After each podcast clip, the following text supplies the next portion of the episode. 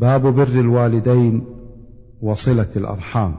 قال الله تعالى واعبدوا الله ولا تشركوا به شيئا وبالوالدين إحسانا وبذي القربى واليتامى والمساكين والجار ذي القربى والجار الجنب والصاحب بالجنب وابن السبيل وما ملكت ايمانكم سوره النساء وقال تعالى واتقوا الله الذي تساءلون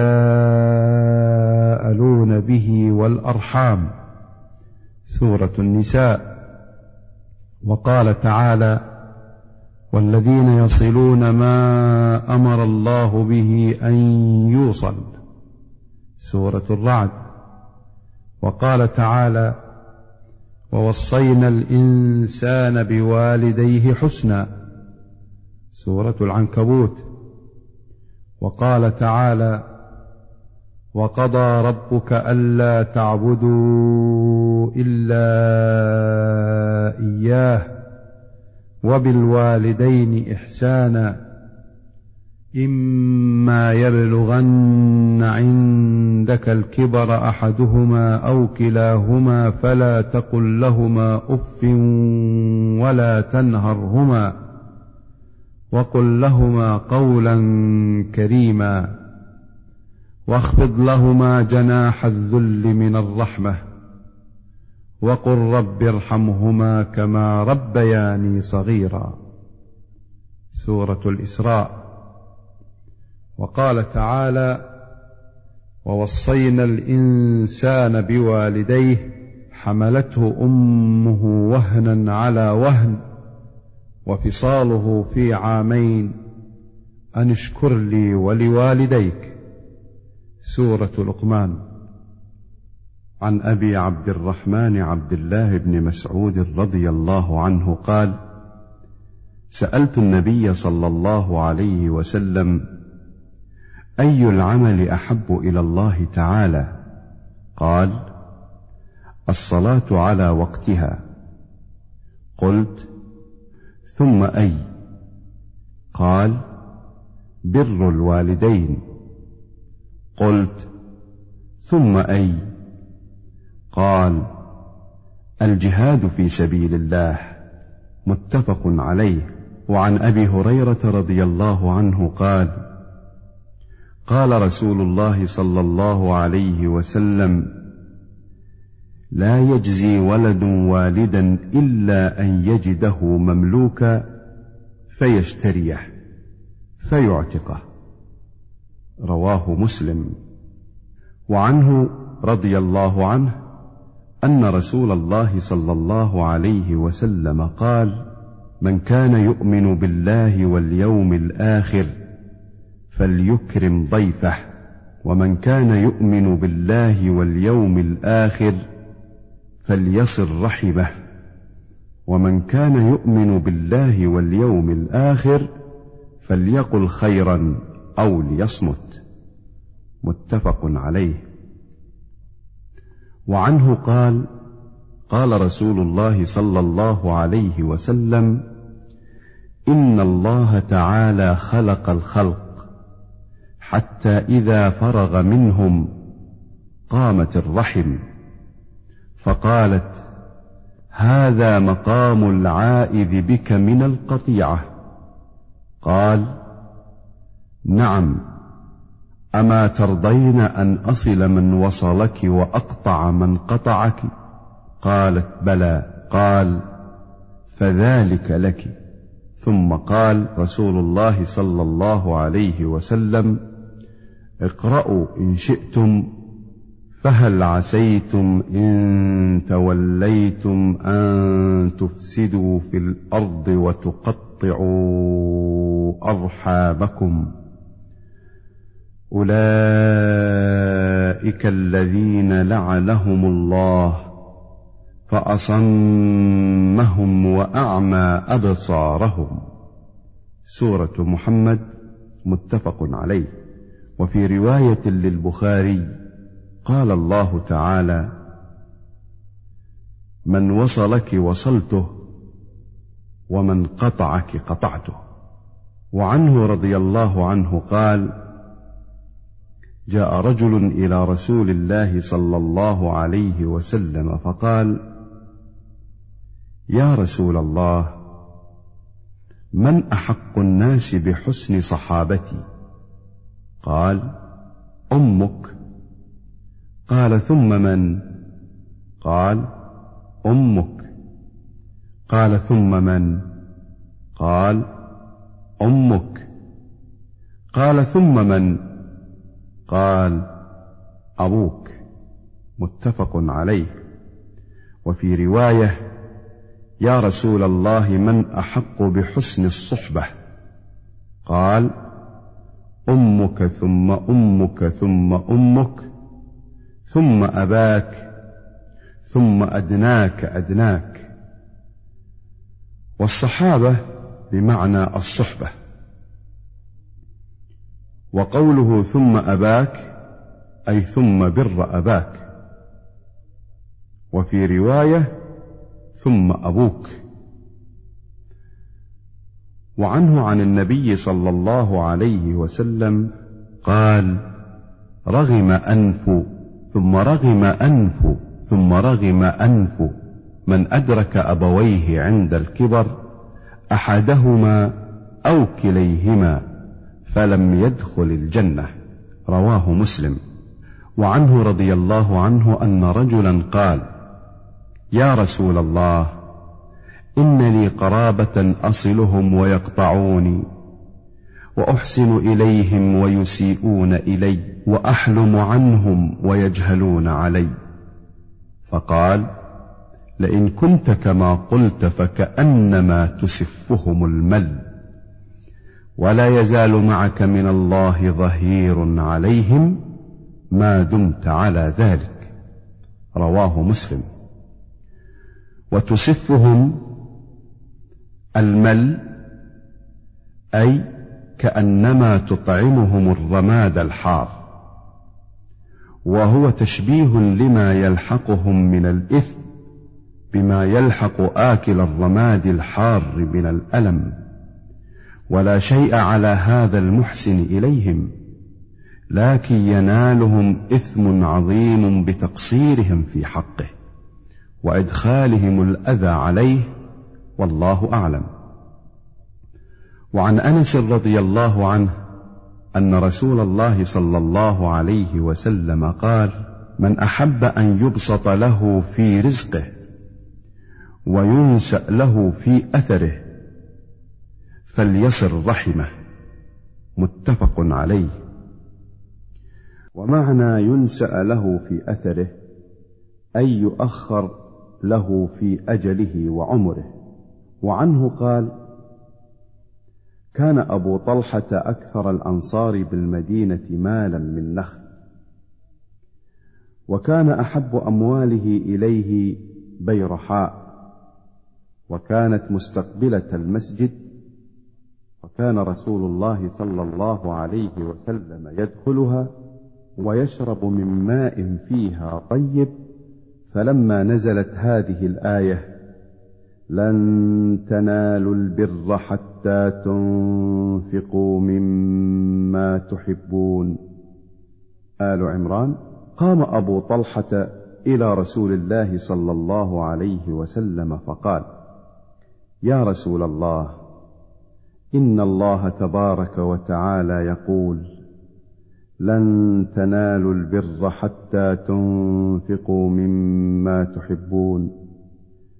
وإن أحب مالي إلي بيرحاء وإنها صدقة لله تعالى أرجو برها وذخرها عند الله تعالى. فضعها يا رسول الله حيث أراك الله. فقال رسول الله صلى الله عليه وسلم بخ ذلك مال رابح ذلك مال رابح وقد سمعت ما قلت. وإني أرى أن تجعلها في الأقربين. فقال أبو طلحة أفعل يا رسول الله. فقسمها أبو طلحة في أقاربه وبني عمه متفق عليه. وسبق بيان ألفاظه في باب الإنفاق مما يحب. وعن عبد الله بن عمرو بن العاص رضي الله عنهما قال أقبل رجل إلى نبي الله صلى الله عليه وسلم فقال أبايعك على الهجرة والجهاد أبتغي الأجر من الله تعالى. قال فهل لك من والديك أحد حي قال نعم بل كلاهما. قال فتبتغي الأجر من الله تعالى؟ قال نعم. قال فارجع إلى والديك فأحسن صحبتهما. متفق عليه. وهذا لفظ مسلم. وفي رواية لهما جاء رجل فاستأذنه في الجهاد فقال أحي والداك؟ قال نعم. قال ففيهما فجاهد. وعنه عن النبي صلى الله عليه وسلم قال ليس الواصل بالمكافئ ولكن الواصل الذي إذا قطعت رحمه وصلها. رواه البخاري. وعن عائشة قالت قال رسول الله صلى الله عليه وسلم الرحم معلقة بالعرش. تقول من وصلني وصله الله ومن قطعني قطعه الله. متفق عليه. وعن أم المؤمنين ميمونة بنت الحارث رضي الله عنها أنها أعتقت وليدة ولم تستأذن النبي صلى الله عليه وسلم فلما كان يومها الذي يدور عليها فيه قالت أشعرت يا رسول الله أني أعتقت وليدتي؟ قال أو فعلت؟ قالت نعم. قال أما إنك لو أعطيتها أخوالك كان أعظم لأجرك. متفق عليه. وعن أسماء بنت أبي بكر الصديق رضي الله عنهما قالت قدمت علي أمي وهي مشركة في عهد رسول الله صلى الله عليه وسلم فاستفتيت رسول الله صلى الله عليه وسلم قلت قدمت علي أمي وهي راغبة. أفأصل أمي؟ قال نعم صلي أمك متفق عليه. وقولها راغبة أي طامعة عندي تسألني شيئا. قيل كانت أمها من النسب وقيل من الرضاعة والصحيح الأول. وعن زينب الثقفيه امرأة عبد الله بن مسعود رضي الله عنه وعنها قالت قال رسول الله صلى الله عليه وسلم تصدقن يا معشر النساء ولو من حليكن. قالت فرجعت إلى عبد الله بن مسعود فقلت له إنك رجل خفيف ذات اليد. وإن رسول الله صلى الله عليه وسلم قد أمرنا بالصدقة فأته فاسأله فإن كان ذلك يجزئ عني وإلا صرفتها إلى غيركم. فقال عبد الله بل ائتيه أنت. فانطلقت. فإذا امرأة من الأنصار بباب رسول الله صلى الله عليه وسلم حاجتي حاجتها. وكان رسول الله صلى الله عليه وسلم قد ألقيت عليه المهابة فخرج علينا بلال فقلنا له ائت رسول الله صلى الله عليه وسلم فأخبره أن امرأتين بالباب تسألانك أتجزئ الصدقة عنهما على أزواجهما وعلى أيتام في حجورهما؟ ولا تخبره من نحن. فدخل بلال على رسول الله صلى الله عليه وسلم فسأله فقال له رسول الله صلى الله عليه وسلم من هما؟ قال امرأة من الأنصار وزينب. فقال رسول الله صلى الله عليه وسلم أي الزيان به؟ قال امرأة عبد الله فقال رسول الله صلى الله عليه وسلم لهما أجران أجر القرابة وأجر الصدقة. متفق عليه. وعن أبي سفيان صخر بن حرب رضي الله عنه في حديثه الطويل في قصة هرقل أن هرقل قال لأبي سفيان فماذا يأمركم به؟ يعني النبي صلى الله عليه وسلم قال قلت يقول اعبدوا الله وحده ولا تشركوا به شيئا واتركوا ما يقول آباؤكم ويأمرنا بالصلاة والصدق والعفاف والصلة متفق عليه.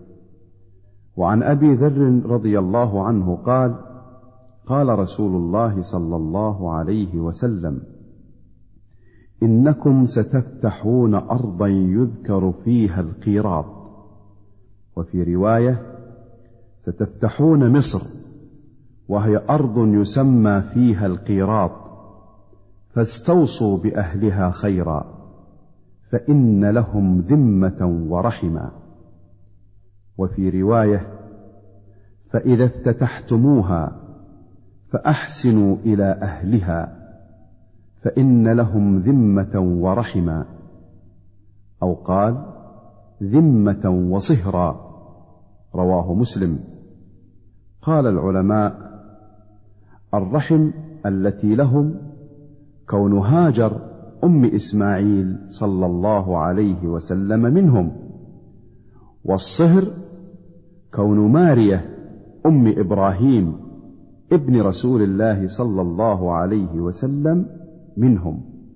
وعن أبي هريرة رضي الله عنه قال لما نزلت هذه الآية وأنذر عشيرتك الأقربين. سورة الشعراء. دعا رسول الله صلى الله عليه وسلم قريشا فاجتمعوا فعم وخص وقال يا بني عبد شمس يا بني كعب بن لؤي أنقذوا أنفسكم من النار. يا بني مر بن كعب أنقذوا أنفسكم من النار. يا بني عبد مناف أنقذوا أنفسكم من النار.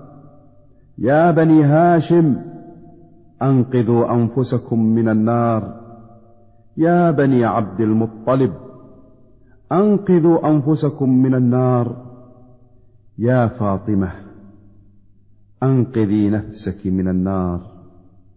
فإني لا أملك لكم من الله شيئا. غير أن لكم رحما سابلها ببلالها. رواه مسلم. قوله صلى الله عليه وسلم ببلالها والبلال الماء ومعنى الحديث سأصلها شبه قطيعتها بالحرارة تطفأ بالماء وهذه تبرد بالصلة.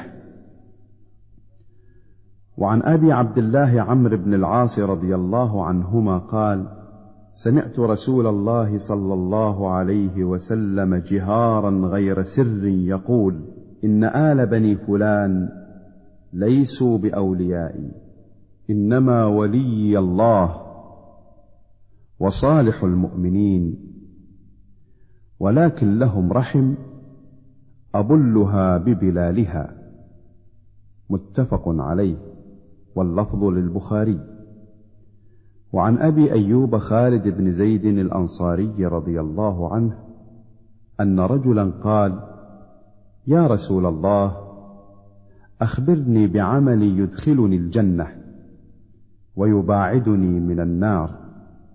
فقال النبي صلى الله عليه وسلم تعبد الله ولا تشرك به شيئا وتقيم الصلاة وتؤتي الزكاة وتصل الرحم. متفق عليه. وعن سلمان بن عامر رضي الله عنه عن النبي صلى الله عليه وسلم قال إذا أفطر أحدكم فليفطر على تمر فإنه بركة. فإن لم يجد تمرا فالماء فإنه طهور. وقال الصدقة على المسكين صدقة وعلى ذي الرحم ثنتان صدقة وصلة. رواه الترمذي وقال حديث حسن.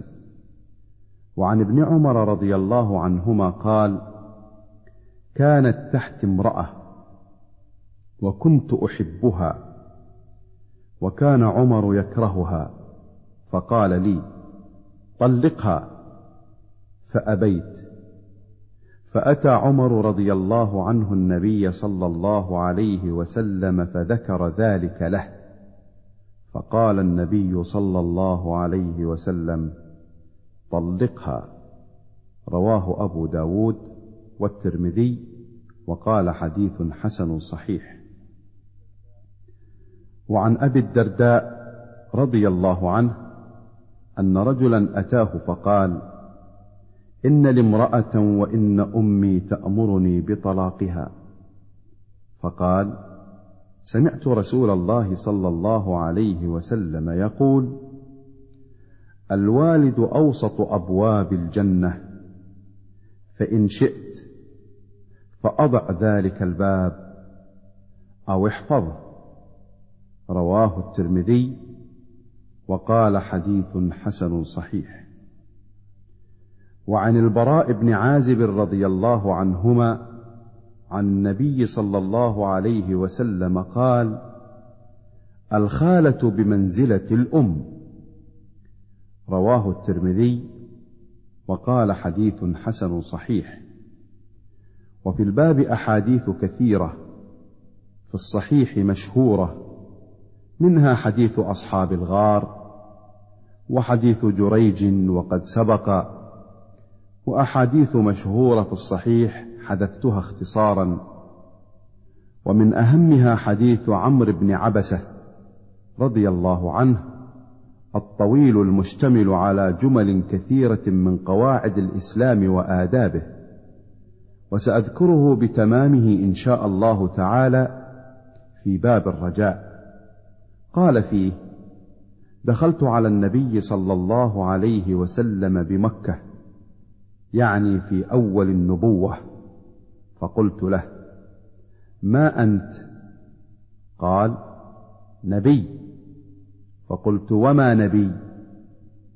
قال أرسلني الله تعالى.